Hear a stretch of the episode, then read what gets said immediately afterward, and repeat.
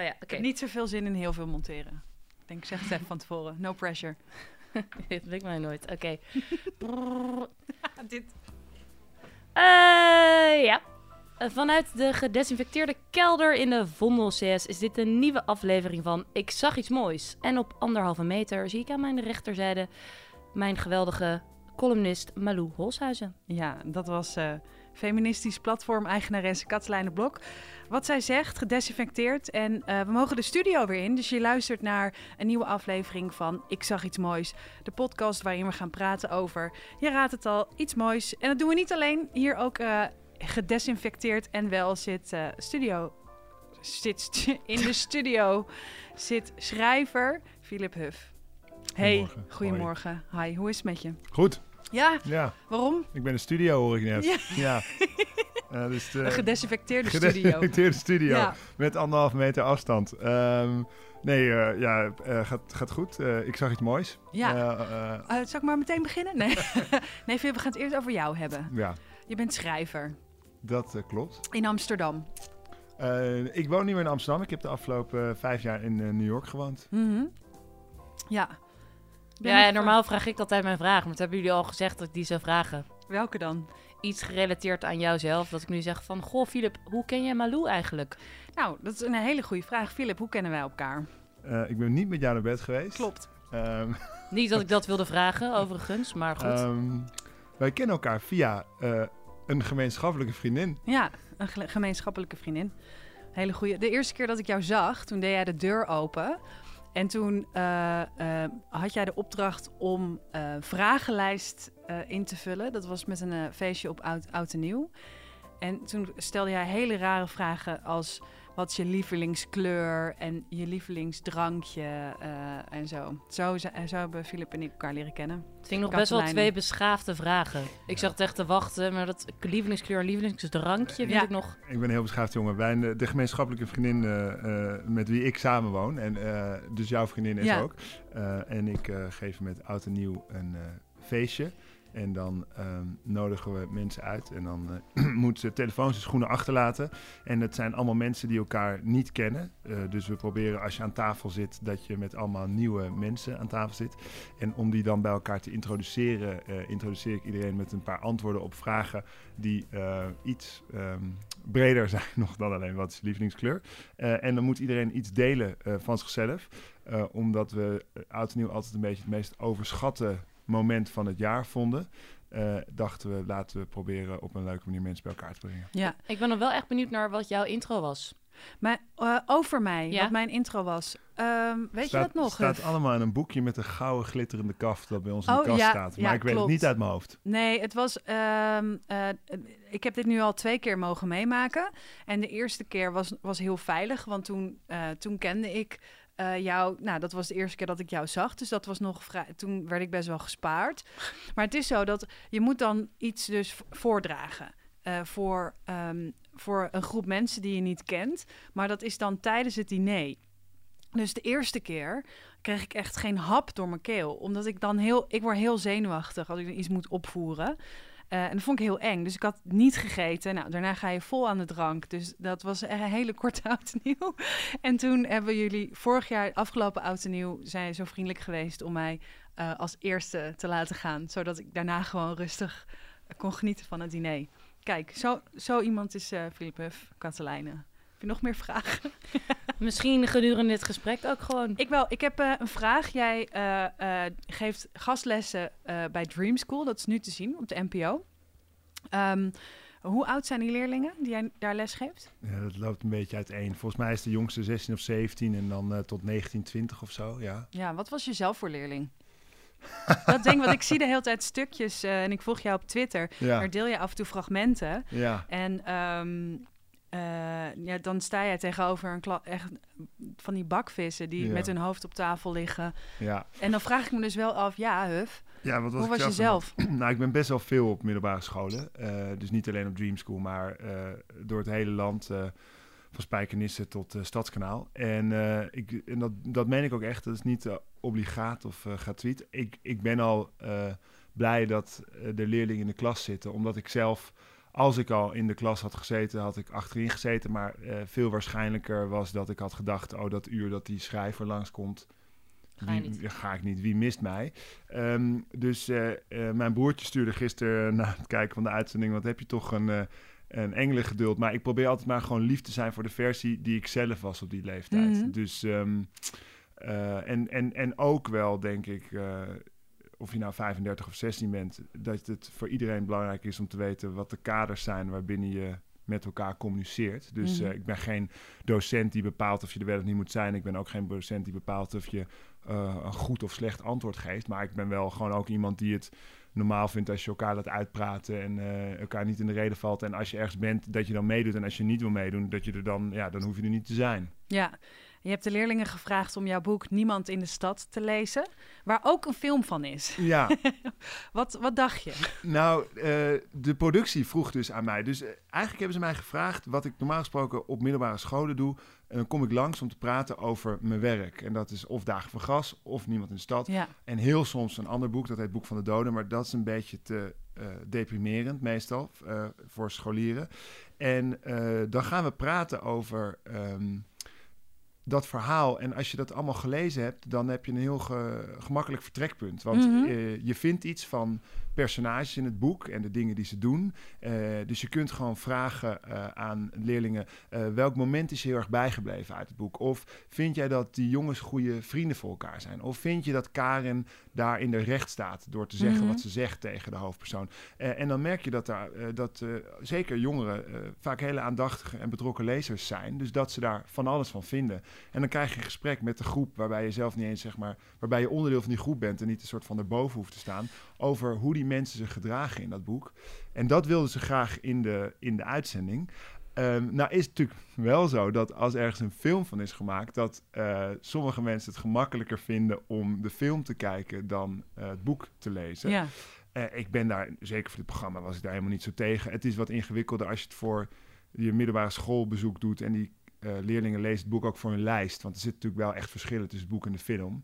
En Maar je merk je dat meteen als je dan zeg maar dat je denkt, ja, volgens mij heb jij niet het boek gelezen. Ja, dat weet je natuurlijk meteen. Ja, omdat er in het boek... eh, eh, eh, er zijn echt wel dingen anders in de film. En vooral ook ehm, in het boek heb je, een, heb je veel meer flashbacks. Mm. Dus er zijn veel meer scènes die niet in de lopende tijd van de film vallen. En als je een, met boekenlezers praat, komen die scènes ook heel veel naar Ja. voren. En met filmkijkers niet. Eh, maar het is voor mij geen soort van, aha, jij hebt het boek niet gelezen. Ehm, het, is, het is een manier om over gemeenschappelijk verhaal te praten en, eh in welk krachtveld die eh, jonge mannen en jonge vrouwen zich bewegen en hoe ze zich tot elkaar verhouden. Ehm, en dat wilden ze ook graag met die groep, omdat het hun leeftijd is of ze er tegenaan zitten. En omdat ze, denk ik, zoals de meeste jonge mensen, worstelen met eh, hoe ze hun vrijheid moeten inrichten, wat ze met hun seksualiteit moeten, hoe ze zich moeten verhouden tot hun ouders en het idee dat hun ouders over hen hebben. eh. dus dat is vaak een vertrekpunt eh, voor een gesprek. Het was bij Dream School natuurlijk wel iets ingewikkelder, want eh, die kinderen, die, of die leerlingen die meedoen, die, eh, eh, het programma duurt een paar maanden op tv, maar het is vrij gecomprimeerde eh, Ja. opname. Dus eh, dan vraag je als productie wel van of ze nog even 350 bladzijden willen Mhm. lezen, want ik ben vier dagen later sta ik weer voor de klas. ja.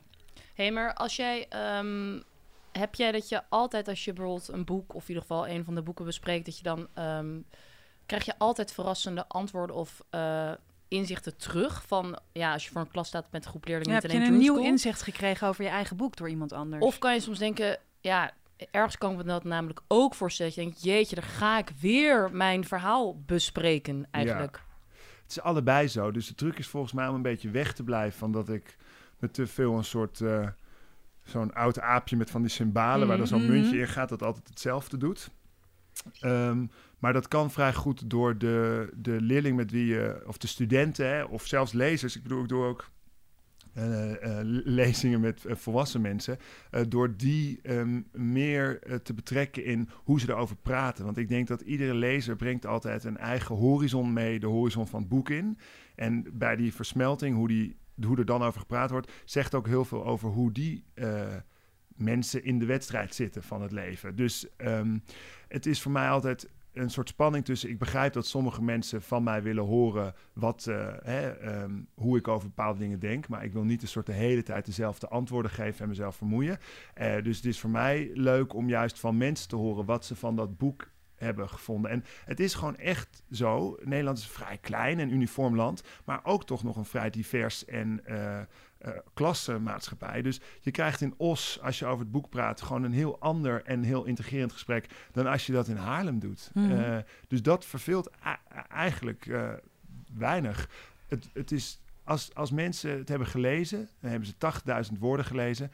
Nou, er is bijna niemand die daar niet uh, zelf ook iets interessants tegenover. Want er zijn zoveel aanknopingspunten. Dus het kan gaan over gescheiden ouders, het kan gaan over vreemdgaan, het kan gaan over uh, ongewenste zwangerschap en uh, mannen die daar heel asociaal hun handen van aftrekken. Al die dingen, er zitten allemaal verhalen in. En soms is het gewoon alleen heel leuk. Dan, dan zegt iemand, hé hey, Huf, uh, die seksscènes, hoe autobiografisch uh, zijn die precies? Oh, wordt dat wel eens gevraagd? Ja, dat wordt heel vaak gevraagd. Ja. En dan in welke groepen? Bij de oudere groep of bij de middelbare scholen? Uh, 6 VWO meestal, Oh, net ja. zo, ja, ja, ja. En wat zeg je dan? Wat, sta een je- goed woord, autobiografisch. Wat Ja, betekent ja, dat precies? Laten we eerst over ten eerste, ja. autobiografisch. uh, wie weet wie, wat autobiografisch is. Maar die seksscènes, Huf, zijn die nou autobiografisch? Ehm, ik keek net... ehm, en dan mag ik straks wat vertellen wat ik, eh, wat ik had mooi had Ja. gezien. Nee, dus eh, ik denk dat een boek altijd bijzonder autobiografisch is. En, en als het niet autobiografisch is in de zin van dat je het letterlijk zo hebt meegemaakt, dan is het zoals jij je voorstelt dat Mhm. iets is. Dus ehm, ik denk als je daar schaamte over hebt als schrijver, dat het volledig een product is van je eigen verbeelding, gevoed door je ervaring, wel of niet, dan eh, moet je niet doen wat ik doe. Eh, en als jij ehm, je, eh, eh, het voorbeeld van Niemand in de Stad, daar is een film van gemaakt. Ja. Hoe is dat voor jou? Want die film, eh, daar werken dan allerlei andere mensen aan mee. En Ja. die hebben dan weer inderdaad wat jij zegt, hun kijk op jouw boek. En zij gaan dat verfilmen, Michiel van Erpen eh, Ja. onder andere. Hoe is dat voor jou? Nou, ik denk dat iedereen dat wel kent. Dat je soms met iemand kan praten. Laat ik het even, omdat we het net over seks hadden, van de seks naar de liefde en dan straks naar het werk. Ja. Dat je met iemand staat te praten in de kroeg en dat je een soort flirt hebt. Of dat je verliefd bent. Of met je vriend of vriendinnetje of je partner. Of dat je op een gegeven moment het gevoel hebt dat je dingen zegt en dat de ander je begrijpt. En dat je niet Mhm. tijd iets hebt gezegd en dat de ander iets zegt en dat je denkt... Hé, maar nee, maar dat bedoelde ik echt niet. Dus Ja. dat je op een of andere manier een bepaalde synergie eh, krijgt en in het verlengde van elkaar gaat denken. Ehm, ik had dat meteen met Michiel vanaf de allereerste gesprekken over de verfilming van het boek. Dat hij helemaal snapte eh, wat ik met dat boek wilde zeggen. En dat als je daar een film van gaat maken, dat je dus sommige dingen moet vertalen naar filmtaal. Omdat je in een boek, eh, zeker in boeken zoals ik ze schrijf, eerste persoons vertellingen, kan je gedachten en wat we net bespraken, flashbacks Mhm, meegeven en ja. overwegingen. Dat kan allemaal niet in een film. Dus dat was met Michiel eigenlijk heel duidelijk dat voor mij en hem dat boek heel erg loopt over een paar lijnen. Vaders en verwachtingen, moeders en verwachtingen, vriendinnetjes en verwachtingen, ehm, vrienden en verwachtingen. Eh, en ehm, als je dat met elkaar hebt, eh, en dan heeft Michiel nog eens het talent om om zich heen allemaal mensen te verzamelen die ongelooflijk getalenteerd zijn in wat ze doen. eh, van de muziek tot de setdressing tot de cameravoering. Dan is, het, ehm, dan is er bijna geen grotere vreugde denkbaar dat je in een samenwerking de hele tijd het gevoel hebt dat je met elkaar steeds meer eh, bereikt. In plaats van dat je een soort eh, blok eh, cement over het zand ergens heen moet trekken in je eentje. Mhm. Maar was je niet bang om eigenlijk de magie van zo'n boek te verliezen door inderdaad een ander product ervan te maken? Nou, ik denk dat je als je. Ik, heb, ik ken gewoon heel veel eh, mooie films. Dus ik denk, ik, probeer altijd. eh, de ambitie heb ik dan als ik een boek schrijf of met een film werk aan mensen. om te denken tussen welke filmposters. of, of, als het in de boekwinkel zou liggen. waar zou dat boek tussen kunnen liggen? En eh, als dat de ambitie is, dan kan je daarin falen. Maar dan, dan ga je vanuit een soort intentie om iets te maken. wat je zelf zou kunnen bewonderen. en niet uit een soort angst van: oh, ik ga het verkranten. En ik denk dat je dan bij een boekverfilming, of dus een film gebaseerd op een boek, vind ik al veel sympathieker iets, eh, moet loslaten dat ehm, het boek als film gemaakt kan worden. Dus je gaat een film maken gebaseerd op het boek, waarin je dezelfde dingen wil behandelen, maar waarin je ook moet loslaten dat het een soort dat elke scène letterlijk op die manier in, in beeld moet. Ehm, en dan, ja, kijk, eh, op het gevaar af eh, klef te klinken, maar dan eh, ik had Ramses gezien, de dramaserie die Michiel had gemaakt over Ramses Shaffi. Dat was een eerste fictieproductie. Ik, op het studentenhuis, waar niemand in de stad zich voor een groot deel afspeelt, keken we altijd al naar Pretpark Nederland en eh, Lang Leven de Vereniging en zo. Ja, ik dacht, dat is, in zijn, is wel een goede handen bij hem, weet je wel. Mhm. Dus eh, eh, laten we het proberen. En ja, je moet, het leven is een feestje. Het is beroerd dat je werken moet. Dus laat ik dan maar proberen, als ik toch moet werken, weer iets moois te maken. En niet vanuit een soort angst, nee, nee, dit wordt niks, dus dit gaan we niet doen. Is er een nieuwe liefde ontstaan voor filmmaken? Nou, Michiel vroeg me ook. Ik heb, ik heb vandaag van Gras eh, bij de VPRO een, een, eh, een one-night stand film gemaakt. Een film van een uur en een telefilm, Groenland. Dus eh, die, ja, die had hij allebei gezien. Die vond hij mooi. Dus, dus ook daarom en op basis van het boek vroeg hij, wil jij het scenario schrijven? Dus ik, eh, ik, ik deed dat al langer en ik wilde dat al langer. Ik weet dat ik op de middelbare school al... Iedereen heeft van die fases. Hè, je wil een tijdje cabaretier worden of je wil een tijdje regisseur worden. Dat ik heel serieus was over regisseur Ik- willen worden. Had jij die? Wat? Een fase? Cabaretier? Nee. Nee.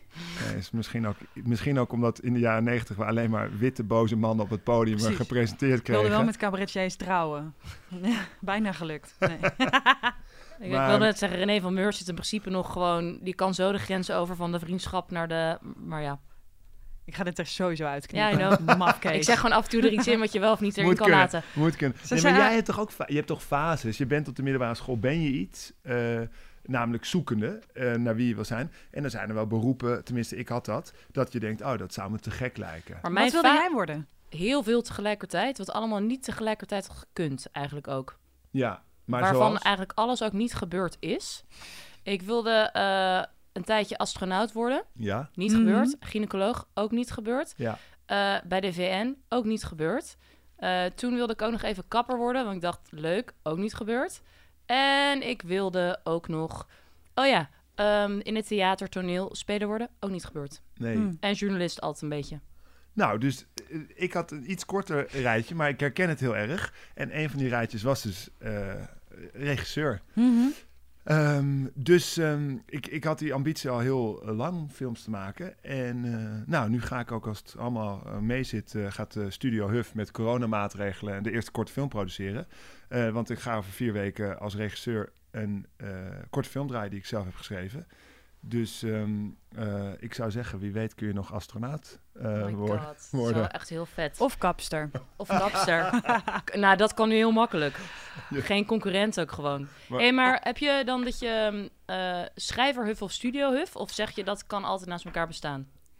Ehm, nou, volgens mij kan dat naast elkaar bestaan. Er zijn een paar mensen die ik. eh, er zijn best wel wat mensen die ik bewonder. Eh, dus. ehm, en een daarvan is eh, Joan Didion. Nou, die schreef essays, romans en filmscenario's. Mhm. Een ander is Stanley Kubrick. Die schreef zelf de filmscenario's die hij verfilmde. Dus eh, volgens mij hoef je niet per se eh, het een of het ander eh, te zijn. Volgens mij is dat ook heel erg Hollands, hè? Dat je echt een ambacht moet kiezen. Ja. En Ja. dat ben je dan. En dan... Ja, dat gevoel heb ik ook Ja. heel erg. Schoenmaker hou je bij je leest. Ja. Ik weet ook niet wat daar de Engelse vertaling van is. Maar hij- misschien zal dit wel bestaan hoor. Maar eh, nee, het is heel Hollands. Ehm, maar ik denk niet... nou, als, eerst vanuit mezelf. Ik geloof niet dat ik daar gelukkig van word. En ten Mhm. tweede, ik denk dat het heel goed is als je met verschillende disciplines bezig gaat. Ja. En verschillende steden. Je hebt natuurlijk heel lang in New York gewoond. Nu woon je in Amsterdam. Ja, Ehm, godzijdank nu eventjes wel, ja. ja, ja, nu zeker inderdaad. Ik woonde in Williamsburg. Ik zag net een foto van een begrafenis of een uitvaart daar van een eh, rabbi. En eh, ik weet niet hoeveel duizenden mensen er op straat. Ik lach erom, het is natuurlijk verdrietig, het is iemand Ja. overleden. Maar het was, niet, eh, het was niet de anderhalve meter samenleving. Nee, hè? Nee. Wat mis je aan New York als je eventjes deze tijd waarin we nu leven eventjes parkeert?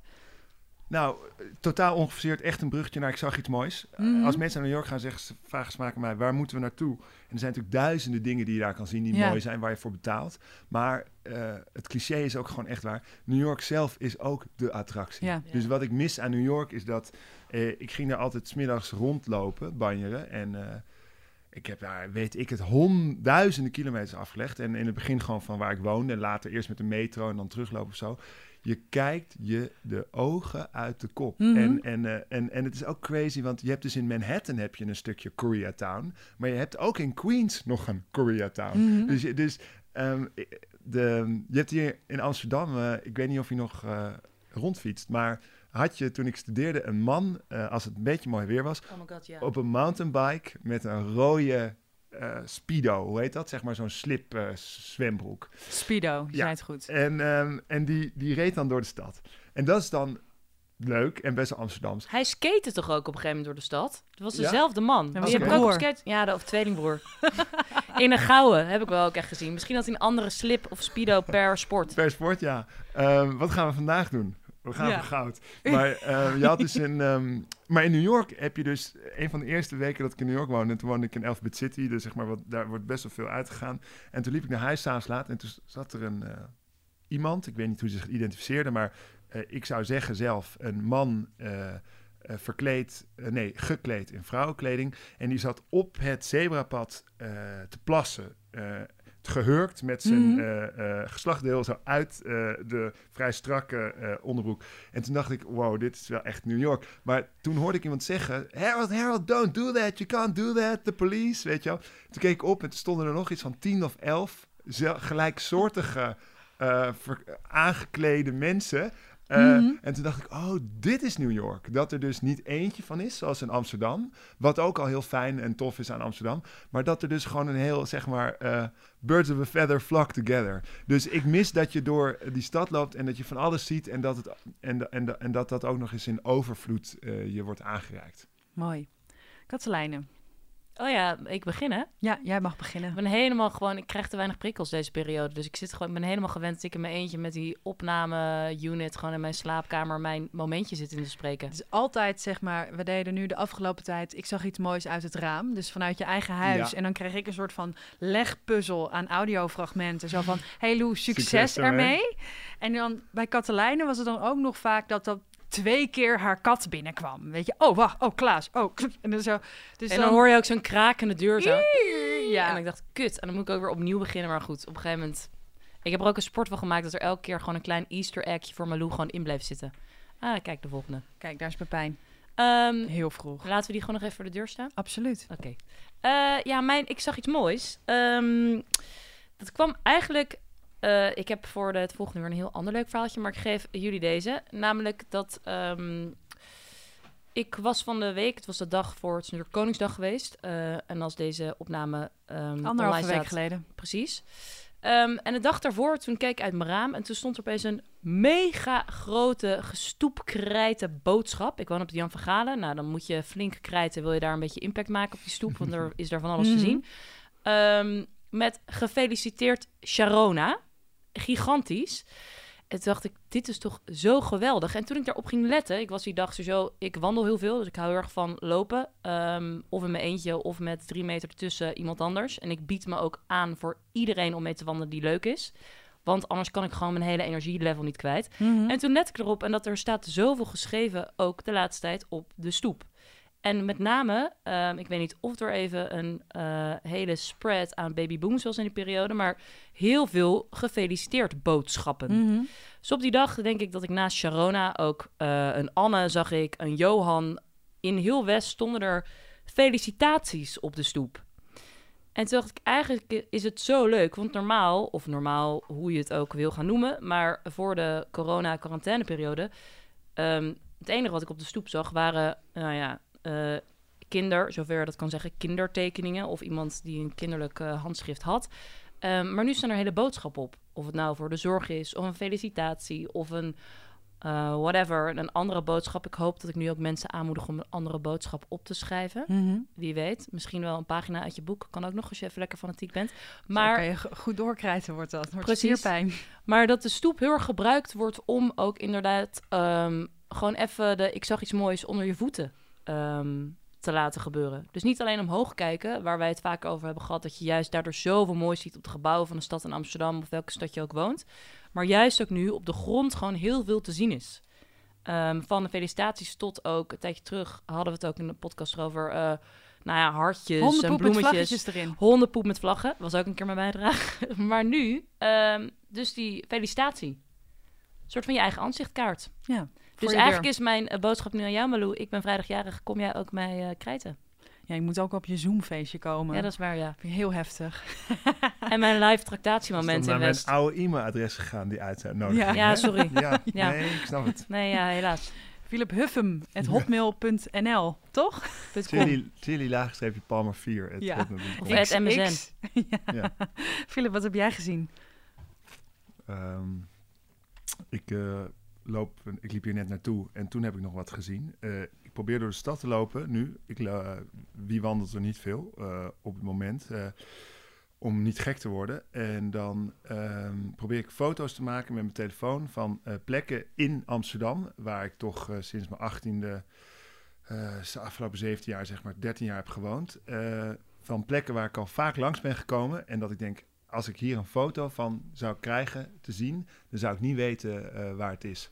En dus het zijn niet altijd eh, mooie dingen, eh, want net was het hier een steegje-achtige parkeerplek achter de kerk hier aan de rand van het Vondelpark. Wat me heel erg aan Londen deed denken qua metselwerk en, en, en, en bedrading die daar hing. En daar heb ik een, een fotootje van gemaakt voor mezelf. Ehm, dus esthetisch niet zo mooi, maar ehm, wel plekjes niet Amsterdam voor mij. Dus niet Amsterdam, omdat ik het nog niet had geregistreerd en opgeslagen. En ik probeer ze ook altijd zo te schieten dat... oh, klinkt net alsof ik een goede fotograaf ben, een verschrikkelijk fotograaf. Maar ik probeer ze net zo te schieten dat, je, dat het ook niet Amsterdam hoeft te zijn. Dus Mhm. ergens anders eh, eh, in de wereld. Ehm, en het andere wat ik eh, mooi zie in de quarantaine, want als ik niet wandel zit ik toch wel binnen en word ik dus een beetje gek, is dat een van mijn andere grote helden, Nick Cave, die Ja. overigens eh filmscenario's schrijft, romans, eh, liedjes en eh, instrumentele muziek, dus ook iemand die van alles doet. Die heeft met The Bad Seeds, zijn eh, begeleidingsband, of zijn band, is misschien wat aardiger, een eh, YouTube-kanaal geopend dat 24 per dag eh, open is. Bad Seeds TV, met dubbel E achter de T en de V. En dat is echt fantastisch. Je kan het elk moment van de dag aanzetten en dan komt er dus iets uit hun archief. Dus ik heb hem al als Elvis impersonator gezien. Ik heb hem al een interview zien geven op een terras in Frankrijk toen de Boatman's Call uitkwam. Ik heb hem live in Kopenhagen gezien twee jaar geleden met Distant Sky, met een operazangeres erbij. En het is gewoon elke keer aanzetten en, en een cadeautje krijgen. Wat leuk. Ja, die is echt gek. En die is dus, eh, stay at home is de hashtag. Maar volgens mij laat ze die gewoon lekker aanstaan. Ja. Oh, en het is ook heel leuk, want aan de rechterkant zijn allemaal eh, fans van over de hele wereld aan het eh, kletsen met elkaar over. En sommige mensen zeggen dan van tevoren al wat er aan gaat komen. Om te laten zien, ah, ik weet echt dat ik Heb ben je echt al een fan. meegepraat? Nee, nee, nee, nee, nee. Ik ben echt een, ik ben een YouTube voyeur altijd bij de comments. En ehm, het mooiste daarvan was, en daar hadden we het dus net over, er was een heel mooi liedje in, de Sorrowful Wife heet dat. En toen eh, zei iemand aan de rechterkant, waar gaat dit liedje nou echt over? Mhm. Eh, terwijl het liedje gaat natuurlijk altijd over waar het over gaat. Wat ze misschien bedoelen is, eh, waar komt het vandaan? En dat is ook altijd mijn opmerking om onder de autobiografische seksscènes uit te komen. Wat betekent dat nou echt? De seksscène gaat gewoon over seks. En niet over of die seks echt heeft plaatsgevonden. Eh, nog eventjes om in te haken op eh, dat jij zegt, ik loop soms in Amsterdam en dan, dan zie je weer wat. Ik kwam jou laatst tegen en toen zei jij zo echt heel verwonderd. Jij kwam uit de houthavens gewandeld Ja, en jij zei, het is daar heel mooi. ja. Het is daar heel mooi. Je was helemaal verbaasd. ja dus het is een nieuwbouwproject in Amsterdam. En ik, heb, ik vind vaak wat nieuw is eh, niet zo mooi. Eh, maar ik vond dit echt heel eh, goed gedaan. En wat ik dus niet mis van New York, wat echt te gek is van Nederland. En zeker van de stad Amsterdam, maar ook in kleinere vergelijkbare eh, steden. En dat ook in nieuwbouwwijken dus. Dat mensen allemaal s'avonds de gordijnen openlaten en de lichten aan. Ja. Ja. Dus ik kon daar gewoon in met mijn. ik liep met een vriend. We konden, dat is gewoon, dus dat was ook onderdeel van de Ik heb iets moois gezien. Je loopt gewoon weer door allemaal levens Ja, heen die zich daar afspelen. Is dat dat stukje bij het pontje, of niet? Dat, ehm, Het Die is, Pontstijger bedoel jij, Ja? Katelijne. ja. Bedoelde jij dat ook? Nee, ik bedoelde, dat is, ik bedoelde echt het nieuwe, nieuwe stuk, waar dus nog een deel ook eh, graafmachines staan en zo, achter het vierde gymnasium. Dus eh, volgens mij heet het de Houthavens. Mhm. Maar ik ga het zo voor jullie opzoeken. En daar is dus echt, eh, de, de ene helft van de straat staat al aan en daar wonen mensen. En de overkant is nog met hekken en wordt nog afgebouwd. En wat ik daar het allerleukste aan vond, ehm, is dat ik me dan voorstel, want er stonden alleen maar kinderfietsjes. Er zijn een bepaald soort gezinnen eh, gaan wonen. Dat ik daar dan over vijf of tien jaar weer met eh Henk-Jan eh, loop. En dat we dan allemaal scooters daar... eh, eh, eh, Vespa's. En Ja. Vespa's zien staan, ja. ja. Wat goed, wat een goed beeld. Ik heb de onderkant van mijn opa's wandelstok gezien. En dat was voor mij even heel mooi, omdat ehm, eh, we gingen op bezoek. Maar dat mag natuurlijk helemaal niet. Dus we moesten op eh, anderhalve meter afstand blijven. En eh, mijn oma die eh, is een soort van klein magneetje. Dus die kwam steeds een, een klein beetje dichterbij. Dat werd gevaarlijk. En het was ook een beetje om te testen van oké, kunnen ze dit? Kunnen we dit, eh, kunnen we dit aan? Ehm, en toen heeft mijn opa heel demonstratief zo recht zo naar voren zijn wandelstok gehouden. Zo. Maar dat deed hij de hele tijd in mijn gezicht. En dat was, het staat een beetje symbool voor dat ik mijn opa en oma wel eindelijk weer heb gezien. Netjes op anderhalve meter afstand. Ik zag dat, dat rubbertje dat al helemaal versleten was. En er zat een, zat een beetje grind in. Eh, daar werd ik toch wel heel blij van. Wat lief. Ja, Maar je opa en oma zijn dus een beetje... Ik heb twee nichtjes. Mijn ene nichtje komt zo telkens een halve centimeter dichterbij. Omdat Ja. ze denkt, ja, als ik het heel langzaam doe, dan ziet niemand het. En dan sta ik straks naast eh, mijn zus of eh, naast mij. En mijn andere nichtje die zegt, Corolla! En die houdt zo, eh, zeg maar, vier meter afstand. Dus een beetje je opa en oma. Ja, mijn- wat mijn oma dus doet, die begint dus eh, bloemen uit haar tuin eh, te plukken. En dan wil ze die dan zo aangeven. Ja. Maar plukt ze dan ook gaandeweg, komt ze plukkend naar jou Plukkend komt ze eh, eh, naar ons toe, inderdaad. Philip, dankjewel. Met alle liefde. We zijn er alweer eh doorheen door de tijd. Ja. Waar gaan we jou eh, de komende tijd zien of lezen? Ik ben, eh, ja, ik weet niet wanneer we uitzenden, maar ik ben nog één of twee keer bij eh, eh, Dream School. En eh, ik hoop in het najaar een nieuw boek af te hebben. Dus tot die tijd lees je me denk ik nergens. Goed zo. toe. En dan kunnen we nu lekker gaan desinfecteren na dit eh Ja. rondje Ja. praten weer. Desinfecteren voor Pepijn Schoneveld. Ja. Dat is een beetje wat we gaan doen. Ehm, je, ja, doe jij nog even het promo-praatje? Oh ja, daar ben ik heel dus goed de in. marketingafdeling van eh, Ik zag iets moois. Dat zit hier aan de andere kant van de tafel. Zit dat. Want denk je, goh, wat zijn het ontzettend leuke mensen waar ik net naar heb zitten luisteren. Dan kun je natuurlijk eh, dat ten eerste gewoon melden in gewoon de DM van Philip Puff en van Malou. Die houdt er heel erg van. Vooral spraakmemo's vindt ze erg leuk. Ehm, en ze kijkt ook glimlachend naar mij dat ik dit ook weer aanprijs. Of daarnaast kun je natuurlijk eh, het liken, je abonneren en gewoon allemaal positieve reacties achterlaten bij eh, onze podcast in je podcast-app. Ja, Zo goed? ja, tot over twee weken. Doei. Oké, dag.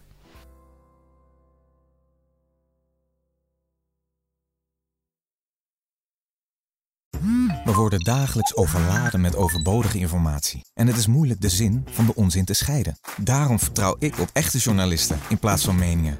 Een krantenmens heeft het gemakkelijk. Word ook een krantenmens en lees je favoriete krant nu tot al zes weken gratis. Ga snel naar krant.nl. Bezorging stopt automatisch en op deze actie zijn actievoorwaarden van toepassing.